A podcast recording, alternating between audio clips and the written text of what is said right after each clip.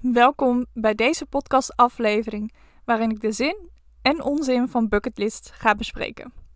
Hallo, ik ben Leonie en ik help je om het leven te gaan beleven. En dat doe ik onder andere door middel van deze podcast. Maar voordat ik begin ga ik eerst de volgende vraag beantwoorden. Wat is een bucketlist?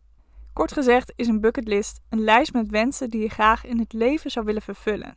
Of die je nog gewoon heel graag een keer wilt doen. Bijvoorbeeld een reis maken met de camper, een boek schrijven, naar Disneyland, dansen in de regen of leren surfen. Om maar een aantal voorbeelden te noemen. Een bucketlist is natuurlijk een Engelstalige benaming.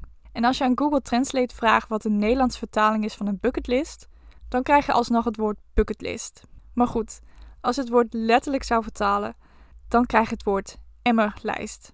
Wat dan ook weer niet heel indrukwekkend klinkt. Dus we houden het gewoon bij bucketlist.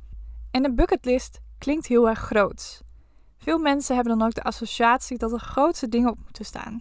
Want het zijn vaak dingen die je wilt doen voordat je het loodje legt, om het maar even zo te zeggen.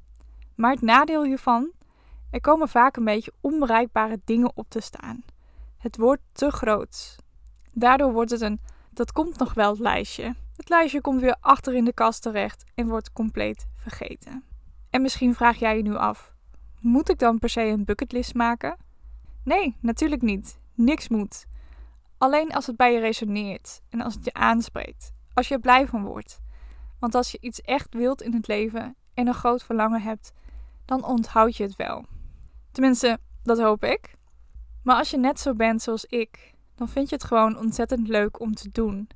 Ik krijg namelijk heel veel energie van nieuwe dingen bedenken en proberen. Out of the box denken. Het leven beleven. Ik ben natuurlijk niet voor niet gestart met mijn bedrijf om andere mensen te inspireren om een mooiste leven te leven en te gaan genieten. Want het maken van een bucketlist is gewoon een ontzettend leuke manier om even stil te staan bij het leven.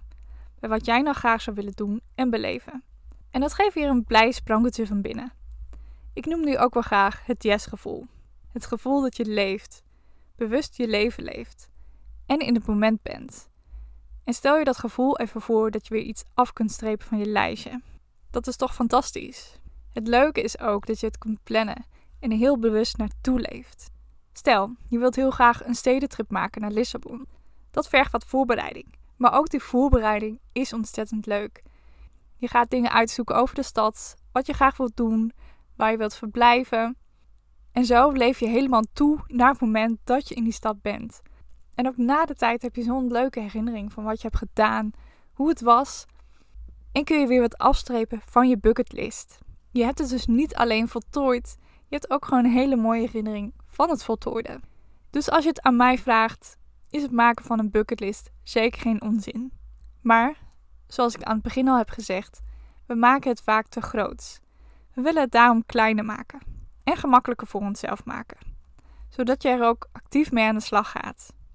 Dit waren mijn punten over de zin en onzin van bucketlist. Waarschijnlijk zijn er nog veel meer dingen te bedenken, maar dit zijn degene waar ik op kon komen. Wil jij nou ook een bucketlist maken? In de volgende podcast geef ik je 10 tips voor het maken van een bucketlist. Ik zie je heel graag daar. Bedankt voor het luisteren. Doei doei!